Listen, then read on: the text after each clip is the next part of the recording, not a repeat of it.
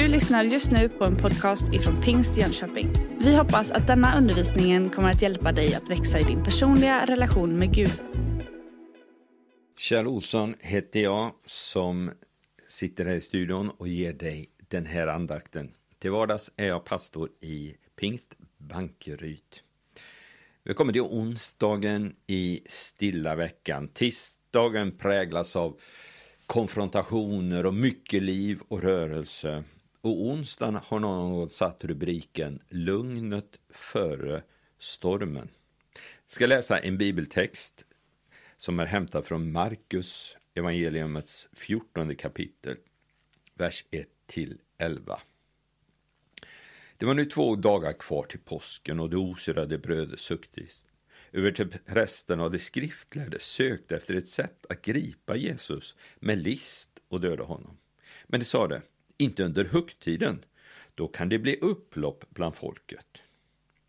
När Jesus var i Betania och låg till bords i Simon den spetälskes hus kom en kvinna som hade en alabasterflaska med dyrbar äkta nardusolja.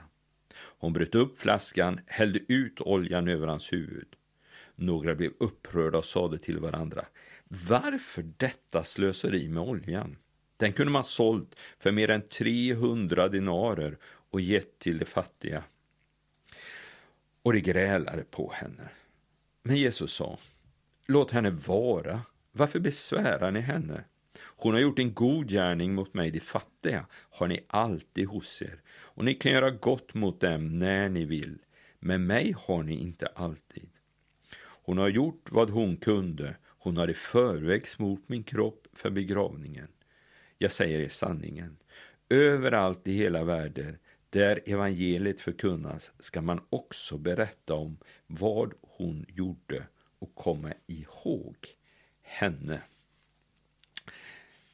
Stannar inför eh, de här två sekvenserna i texten. Planerna att röja Jesus i vägen och kvinnan som smörjer Jesus med olja. Tisdagen präglades som sagt av konfrontationer. Olika grupperingar konfronterar Jesus med olika påståenden. Man frågar om allt detta och allt detta får stort utrymme i bibeltexterna. Torsdagen, dagen imorgon alltså, kommer också att präglas av Getsemane och ensamhet, men också det är stort utrymme i texterna. Men nu är det onsdag. Det finns olika dagar i livet och så fanns det för Jesus också. Det fanns de här hektiska dagarna och det fanns dagarna då det såg ut som att det var lugnt och stilla, åtminstone på ytan. Men i det här fallet, när det gäller Jesus, så pågår planerna för fullt. Eh, även om det är lugnt på ytan, inga synliga konfrontationer, inga tecken på att man försöker gripa Jesus, så pågår det dock en febril verksamhet. De skriftlärda söker efter en plan att gripa honom, men inte under högtiden, alltså så diskret som möjligt. Jag tänker ibland att det kan vara så i våra liv också. Intensiva perioder, mycket står på spel, mycket händer. Men efter ett tag så lugnar det ner sig. Och då är det lätt att tänka, nu är allt över. Vad skönt. Men då kommer upptrappningen dagen efter och den är än mer i full kraft än vad den var innan. Alltså, det finns olika dagar i våra liv men varje dag ska du och jag förhålla oss till Herren, söka Herren och söka hans närhet. Huvudpoängen i den här texten är naturligtvis det sammanhang där kvinnan smörjer Jesus. Där liksom kvinnan kommer med den här flaskan och smörjer Jesus. Flaskan, eller oljan som finns i den här alabasterflaskan, motsvarar en oerhört stor summa. Har inte riktigt koll i dagsläget på vad det är, men jag för mig att det rör sig uppåt en årslön åtminstone, som kvinnan liksom bara på några sekunder ger till Jesus, eller häller ut över Jesus på det här sättet.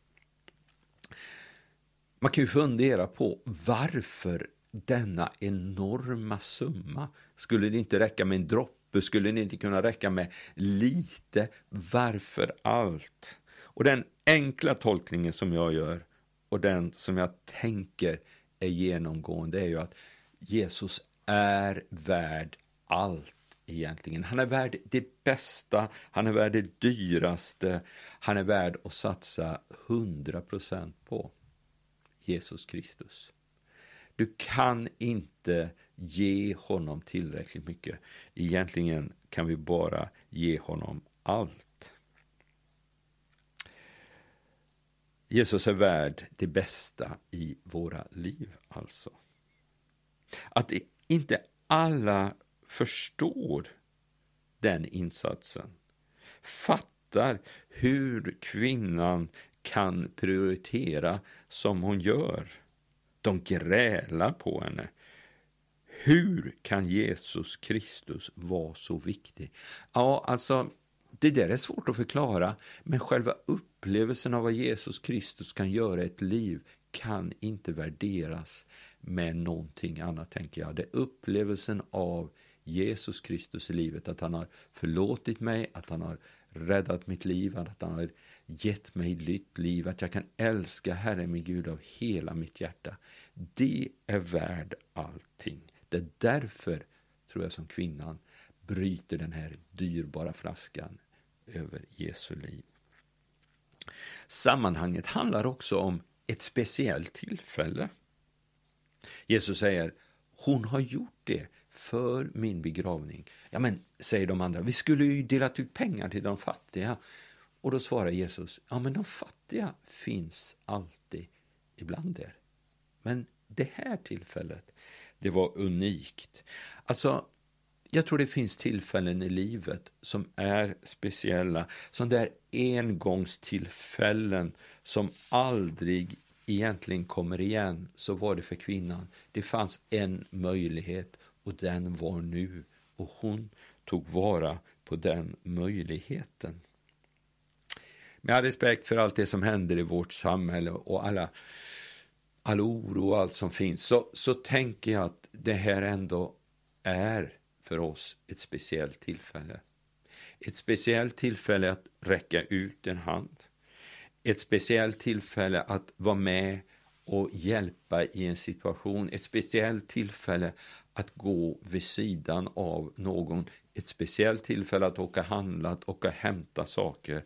Att visa på Jesus Kristus. Att stå sida vid sida, bära varandra, lyfta varandra, uppmuntra varandra. Vi kommer alla att vara i den situationen där vi behöver hjälp. De fattiga, vardagen alltså, menar Jesus, den kommer alltid att finnas. Men nu, ta vara på möjligheten. Jag vill avsluta med bara uppmuntra dig att se tillfället och ta det och ge det bästa du har, precis som kvinnan gjorde. Tack för att du har lyssnat. Du har just lyssnat på en podcast ifrån Pingst Jönköping.